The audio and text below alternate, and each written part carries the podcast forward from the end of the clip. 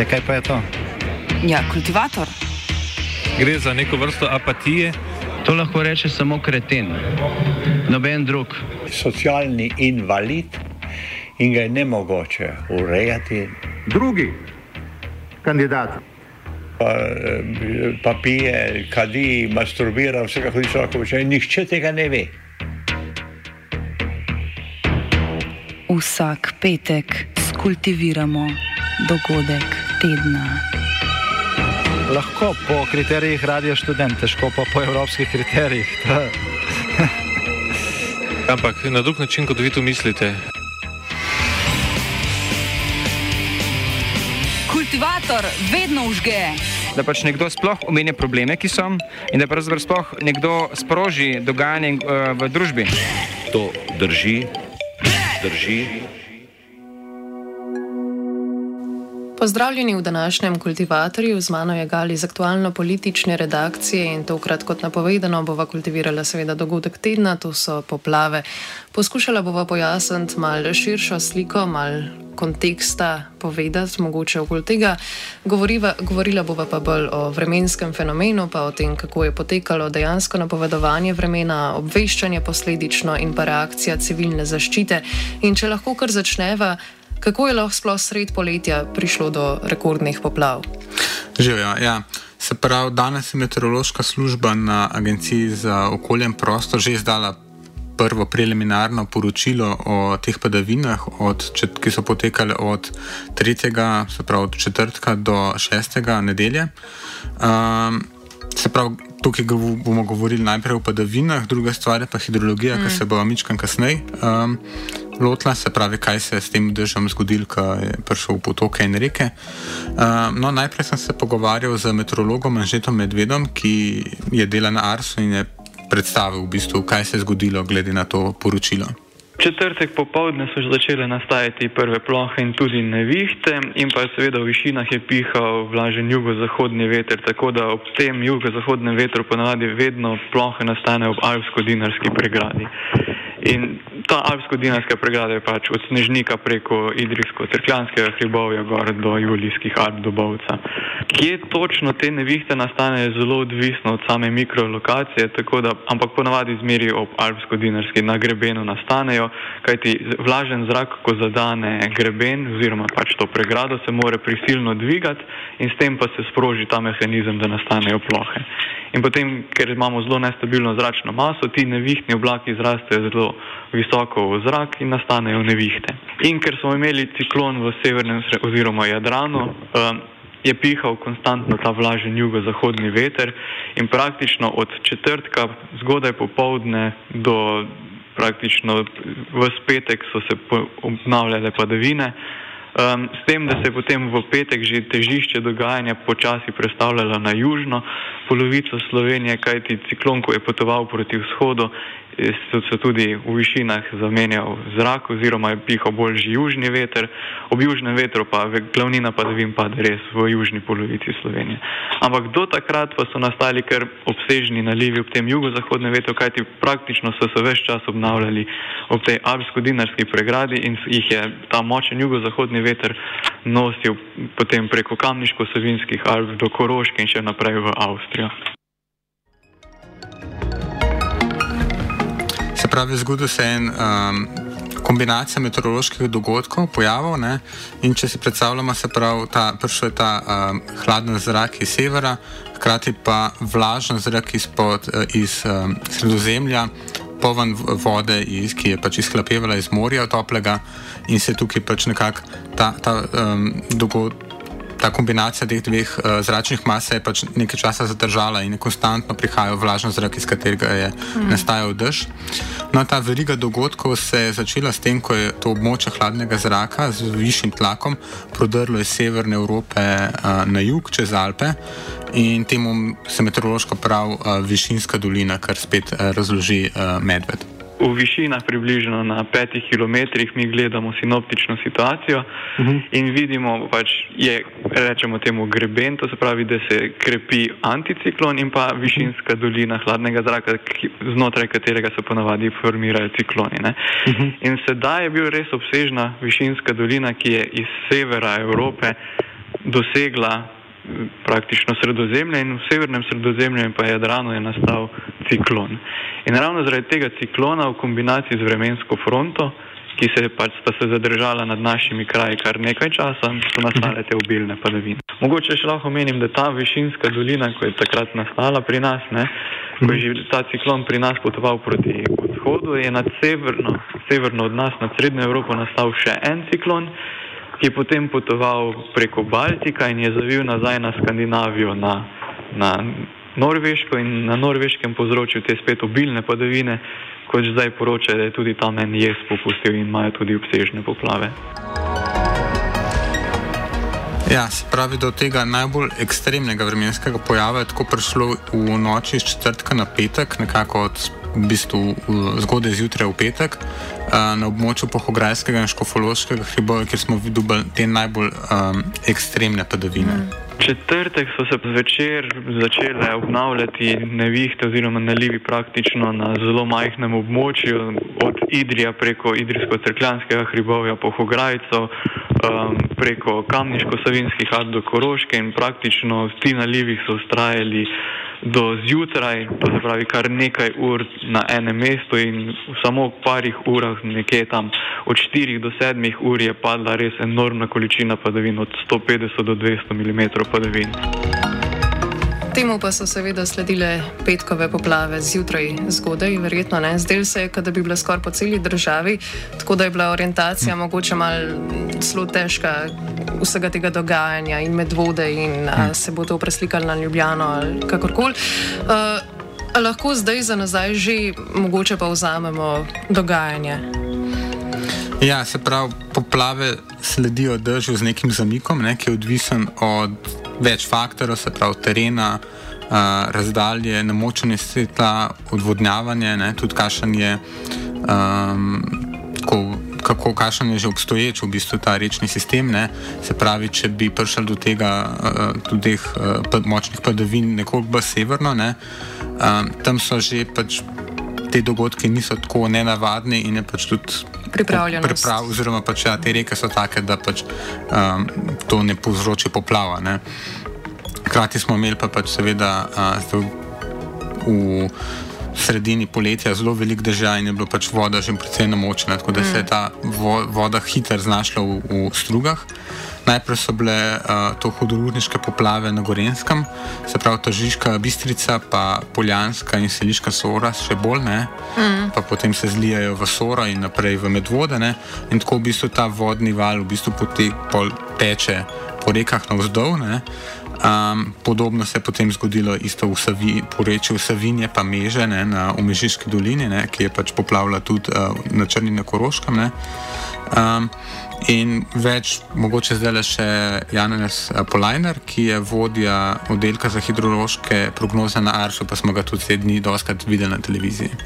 Ja, torej v petek uh, je bil ta hodurniški odziv. Um, Viden, a ne v zgodnih jutranjih urah, to se pravi v zgodnih delih poreči, se je glavnina dogodkov zgodila v, v petek do povdan, skodaj zjutraj in do povdan, namreč glavnina padavin je padla to noč v 6 do 12 urah. Ne. To je povzročilo ta silovit hudurniški odtok, potem pa je ta voda tekom petka in pa še sobote uh, potem uh, potovala po rekah navzdol in povzročala seveda poplavne dogodke, tudi rdeče stopnje. Eh, drugot po državi. Te padavine, tudi tam, kjer je pravzaprav malo deževalo, kot naprimer na območju uh, spodnje Save ali pa na območju Ljubljane ali pa na območju Mure, prek Murja, ne, tam takih velikih količin padavin ni bilo, pa vendar smo imeli potem v naslednjih dneh poplave večjega obsega. Kljub temu pa mogoče nismo pričakovali tako šokantnih novic, kot smo jih pol prejeli, recimo evakuacija prebivalcev iz središča celja, pa več krajev, da nima tudi uh, Koroška, črna na Koroškem, ostala brez cestnih povezav, med vode prav tako neprehodne in podobno. Ja, za celje se je dejansko mislilo, da bo celo središče mesta poplavilo. Mm. Uh, to je bilo predvsem na podlagi izkušnje iz leta 1990, ko, dejansko, ko so bile zadnjič te uh, do zdaj največje poplave ne, um, in so bile, je bilo celju dejansko zelo veliko, visoka voda. No, pa se je skazalo, da v bistvu Savinja je poplavljala predvsem v zgornjem toku, mhm. pa pa se je pred celjem lahko razlila, ne, tukaj je bila tako omejena v oski dolini.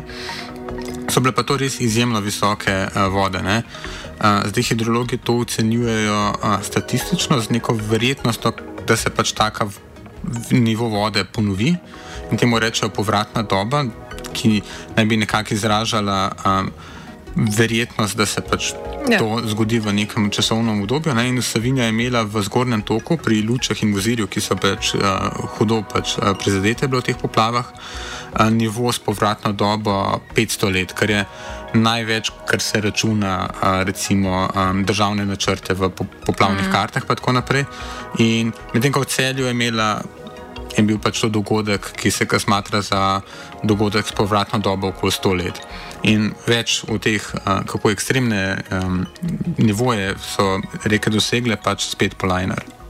Mi smo po prvih podatkih, ki pa še zdaleč niso dokončni, zabeležili vsaj pe, na 25 merilnih mestih, to se pravi na 25 hidroloških postajah, rekordne vrednosti, take kot še niso bile izmerjene pet postaj nam je odneslo, uh, nadaljni deset postaj je poškodovalo, tako da z teh postaj, ki so bile tudi najbolj eh, na območjih, uh, kjer je bilo najhuje, nimamo podatkov. Uh, glede na odčike vodostajev, kot, kot, bilo, uh, kot so lahko odčitali, do kam je voda prišla, je ponekod ta gladina vode segala tudi meter, meter in pol više kot do zdaj najviše izmerjene. Uh, Tako da je šlo res za nek izjemen dogodek, uh, saj v teh dolinah Poljanske sore, pa v dolinah Kamniške bistrice, uh, zgornje, uh, do, zgornji Savinski dolini in pa na Koroškem obmeži. Uh, torej na teh porečjih je bil tudi najbolj silovit odtok uh, in tu smo tudi zabeležili, uh, bi rekel, te najbolj, um, najviše do sedaj izmerjene vrednosti pretokov, pa ne samo tukaj, tudi na reki Muri. Reka Mura je dosegla tudi največji dosedaj izmerjen pretok oziroma ga je presegla. Sava v spodnjem toku se je temu približala, je pa dosegla Sava v okolici Ljubljane med Črnučem oziroma med Mednim in Šentjakovom ali pa Litijo tudi dosedaj največji izmerjen pretok. Ja, nekaj eh, številk za občutek. Ne? Tu v Ljubljani nam najbližji merilniki uh, Save od, nad Ljubljano, se pravi v Mednem oziroma v Tacnu, je najvišji pretok dosegel okoli 2000 kubikov, uh, kubičnih metrov na sekundo. Kaj je to uh, za nek tak manj? Ja, to je, se pravi, ponavadi, kadar je velik. Um, pada vode jesen, ima Sava doseže v Tacnu okoli 1000 kubičnih metrov na sekundo. Mm. Uh, zdaj, ko je dosegla do povdne uh, teh 2000 kubičnih metrov, to pomeni, da je čez Tacn steklo med 6 in 7 milijonov ton vode na uro. Uh, merilnik v Šentjaku bo se prav pod Ljubljano, ne pa v bistvu um, nimamo podatkov za tega, ker ga je odneslo. Gradaščica, ne, tukaj blizu nas v Rožni dolini, je dosegla pretok 150 kubičnih metrov na sekundo, kar je to, kar recimo, kar ima zdaj Sava. Um, in zdaj se je že vrnila v normalen tok, ki je pač recimo 5 kubičnih metrov na sekundo. 30, uh, manj. Ja, selska sora enak. Natanko tako je. Ja. Se pravi, selska sora, ki je nekaj malo več kot potok, ne, jih je imela 300 kubičnih metrov, kar je, če se gre po neki večji padavini, pa vidi, da je Sava tako rjava, to je pač recimo 300 mm. kubičnih metrov na sekundo. Ne. Poljanska sora je imela še več, pa je eh, merilnik spet odnesla pa 350 kubičnih metrov na sekundo. Ampak neki teh napovedi poplav je dejansko bilo, čeprav je marsikoga mogoče uh, presenetila količina, intenziteta vsega dogajanja. In letos maja smo že imeli poplave, ki so bile pa precej dobro napovedane tokrat se počutim, da niso mogoče tako natančno bile pojasnjene. Ja, pravi Arso je v skupaj s civilno zaščito v sredo. Um, Že predvidel, da, bo, da, da lahko pride do srednjih dogodkov, in so uvedli neke, pač, neke dežurne službe. In v četrtek uh, je bila potem novinarska konferenca ob enih, kjer so pa lahko razglasili samo oranžni alarm, ne? čeprav so upozorili, da lahko prihaja do um, da, da je v bistvu nek ta napoved relativno um, nejasna, oziroma pač ima nek velik razpon uh, možnih dogodkov, ne, in da se lahko pač uh, dvigne na rdečo stopno, in da se bo tudi lahko pride, lahko pride do uh, razvija, uh, razlivanj na območjih, ki niso običajna. Uh, ampak takrat je bilo pač uh, opozorilo še vedno za državo te uh, zahodni del Slovenije še vedno samo oranž, na oranžni stopni in šele ob dveh zjutraj se je v bistvu razglasil rdeči alarm. Dejansko pa je take uh, poletne padavine dosta težko napovedati. Sploh na to, kera dolina bo tista, ki bo dobila to dežja, ker pač v bistvu potem za poplave ima velik uh, vpliv. Ne? In spet razloži um, to napovedovanje ponovno meteorolog Anže Medved. Je najtežje napovedati to kon, te konvektivne padavine, torej v obliki ploh in neviht, kajti točne lokacije, kje in kdaj bo nastale, praktično nemogoče napovedati. Um, to si lahko predstavljate tako, da mi lahko neki iz modelov določimo pogoje, kdaj bodo nastale nevihte in če so ti pogoji dovolj dobri, da nastane nevihte, ne moramo pa povedati točne lokacije, kje bi to nastalo. In če si predstavljate, ko kuhate vi vodo na štedilniku, veste, da voda bo se grela znotraj mojega lonca, kjer kuham vodo. Ne morete pa točno povedati, kde, kje in kdaj bo nastala prva, prvi mehurček, ko bo voda zavrela. In takšno je približno napovedovanje teh poletnih ploh in nevih. Mi vemo, da nekje bodo nastale, kje točno in pa eh, kako močne, pa je žal trenutno še za en dan naprej zelo težko povedati. Zdaj te obširne, te večje padavinske dogodke, Eh, je mogoče lažje predvideti, kaj ti gre za več, večjo sinoptično situacijo. Tu smo zdaj vedeli, da okay, ciklon se bo naredil skupaj z vremensko fronto in se ne bo neki časa premaknil, tako da smo predvideli, da lahko pade zelo velika količina padavin. Tako da te večje dogodke je malce lažje celo napovedati, kot pa samo te plohe in nevihte oziroma te, te, ta krajevna neurja. Prej smo govorili tudi o rdečem in oranžnem alarmu, zdaj slišali smo sirene, mislim, da v petek ob neki dopoldanski uri ta sirena, ki se oglaša tudi v soboto ob 12. Kako vedeti, kdaj je oranžen in kdaj je rdeč alarm, če mogoče ne eh, slišimo, če nismo na takem območju? Eh, se pravi, tukaj govorimo o alarmu, ki ga uh, Arso raz, razglasi vnaprej. Um, te alarm, sirene, ki jih pa slišimo. Um, So pa za neposredno. So pa v bistvu za neposredno nevarnost. In mogoče, če kdo opazil, uh, to soboto se ob 12. sirene niso oglasile. Mm -hmm. uh, to testiranje so ta, ta teden spustili, zdaj, ker pač očitno, da ne bi prišlo do. Um, nekih, nekega, uh, neke zmede. Ne? Ja.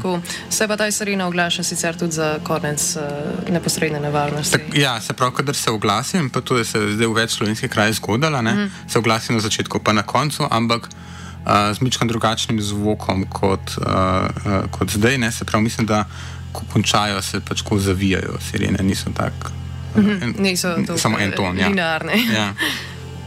Uh, se pravi, uh, če se glede teh napovedi, o katerih smo pač prej govorili v izjavah, je pa to, ne, da se sicer skozi leta izboljšujejo ne, zaradi boljših podatkov, predvsem ne, pa tudi zaradi boljših računalnikov, no, ki so zelo pomembni vremenski sateliti, ne, ki zdaj recimo mm. omogočajo, da se um, spremlja hitrost vetra na vseh višinah atmosfere.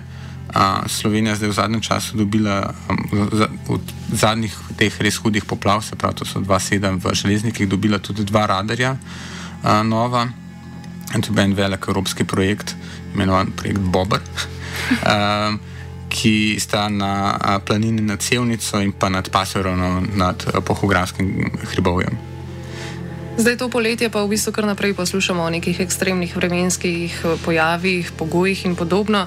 In eh, boj, da že lahko vidimo posledice globalnega segrevanja oziroma globalnega vrenja, kot eh, to letos že imenujemo. Ne? Se pravi, neka skor točka brez povratka.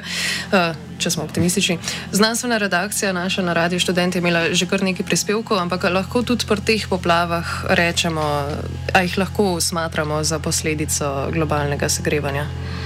Uh, ja, do neke mere lahko to rečemo za padavine, uh, za poplave pa tudi človek v bistvu ne, zelo pomemben faktor, ampak predvsem s svojimi fizičnimi posegi v prostor. Mm. Se pravi, pozidave na poplavnih območjih, drenaže. um, ki vse vplivajo na to, ne samo, da voda se nima kam razlivati, ampak recimo tudi to, da se deževnica zelo hitro steče v struge, ker pač ljudje nočijo, da um, se pri njih zadržuje voda, ali pa če je veliko asfaltiranega, pa betoniranega območja, ki pač spet hitro odvodnjava vodo. Um, in tudi konec koncev reke so se pač tako nekako pred posegi človeka spremenjale svoj tok, ne mm. se tudi gleda človek Savo. Ki je spremenjala te nasipe svoje, ne? da se pač to ne dogaja, ampak nekako drugače tečejo reke. Um, zdaj, ali lahko v prihodnosti pričakujemo več takih dogodkov zaradi um, tudi zaradi teh sprememb. Ne, sem vprašal oba moja sogovornika, no in najprej um, bomo poslušali izjavo uh, meteorologa, se pravi, že ta medveda. Sicer imamo narejene podnebne scenarije za naprej, ki nakazuje, da najbolj nezanesljive spremembe, kaj se bo pri nas dogajale ravno v poletnem času, ko si modeli še niso konsistentni. Kajti eni modeli kažejo, da bomo imeli res povečane količine padavin, spet drugi pa več teh sušnih obdobij. Ampak glavnina modelov pa vseeno nakazuje, da bo več poleti, ko bomo imeli ta sušna obdobja, to se pravi, ko lahko pričakujemo sušo, torej poletne padavine bodo se začele zmanjševati. Ampak Če se pa ustvari takšna vremenska situacija, kot smo jo pa imeli sedaj, pa tudi takšni dogodki v prihodnosti niso več tako nemogoči. Podobnega mnenja je tudi Janes Polajnar, ki pa podari, da so te poplave tudi neka informacija za naprej. Ne? Se pravi, verjetnost takih poplav do zdaj smo računali statistično, ne? tukaj pa dobimo nek a, prikaz, kaj se dejansko a, lahko zgodi. Prav gotovo je to nova realnost v tem smislu, da, um, da zdaj vemo, kaj narava lahko naredi na našem ozemlju. Um, prav gotovo bomo prav zaradi tega našega kratkega kolektivnega spomina, ko se poplave do, dosti hitro pozabijo, uh, ponovno okrepili in, in nadgradili našo akcijo ozaveščanja v smislu postavljanja tablic do sedaj najviše izmerjene gline vode. To akcijo vodimo že od leta 2006 in nameščamo te tablice in sedaj moramo te tablice predstaviti ponekod tudi za meter in pol više, kot so bile prej. Uh, vsekakor pa to pomeni tudi za nadaljno ni razmislek o prostorskem načrtovanju. To bodo nove dimenzije, nove omejitve, do katerih eh, lahko pravzaprav seže prostorska poselitev oziroma sedaj vemo, kje se je treba vodi umakniti. Za človeštvo, torej precej pesimistične napovedi. Zdaj pa, eh, če lahko za konec sam še to, v ponedeljek je vlada razglasila dela prost dan, bolj ali manj. Ne? In danes je civilna zaščita dala še neke dodatne informacije glede prostovoljnega dela. Ja, se pravi. Uh, Načeloma jih tako pozivajo, da je treba se prijaviti na to aplikacijo, ne, ker je pač ljudi, ki bi prišli uh, na to prostovoljno delo, v bistvu preveč, večinoma. Ne za pet območij, se pravi Črno na Koroškem, Mežico, Solčavo, Luče in Mozirje, ne, eno območje mm. in pa Ljubno ob Savini je do sobote, od sobote naprej bo a, tri dni omejeno gibanje, se pravi se ne bo kar dal prijeti, bojo policijske zapore, zato da ne bi ljudje bili v bistvu na potu. Civilna zaščita je tudi povezvala, da naj zač, začasno ljudje nehajo darovati hrano in pijačo, ker imajo tega a, že dovolj. Um, zdaj, vlada sprejema neke svoje ukrepe, ki so pa tako zaenkrat relativno retorični. Še, Sprejela je prav, uh, kao rebalans proračuna, ampak to je neka taka dosti računovodska zadeva, ki je zacahnila pol milijarde. Um, Zaenkrat ukrepov, kaj, kaj ne bi to bilo, še ni. Mhm. Hkrati tudi vemo, da bo te škode v bistvu še veliko več kot jih pol milijarde. Ne?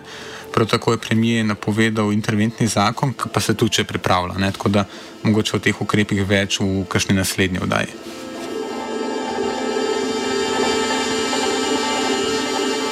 O poplavah so kultivirala gal in živa. All things, all things, all things.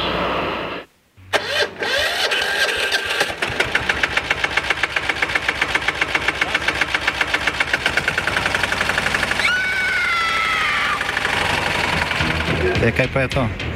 Ja, kultivator. Gre za neko vrsto apatije. To lahko reče samo kreten, noben drug. Socialni invalid in ga je ne mogoče urejati. Drugi kandidat Pa, eh, pa pije, kadi, masturbira, vse kako ti človek počne, nihče tega ne ve. Vsak petek skultiviramo dogodek tedna. Lahko po kriterijih radio študent, težko pa po evropskih kriterijih. Ampak na drug način, kot vi to mislite. Kultivator vedno užge. Da pač nekdo sploh omenja probleme, ki so, in da pravzaprav sploh nekdo sproži dogajanje uh, v družbi. To drži, drži.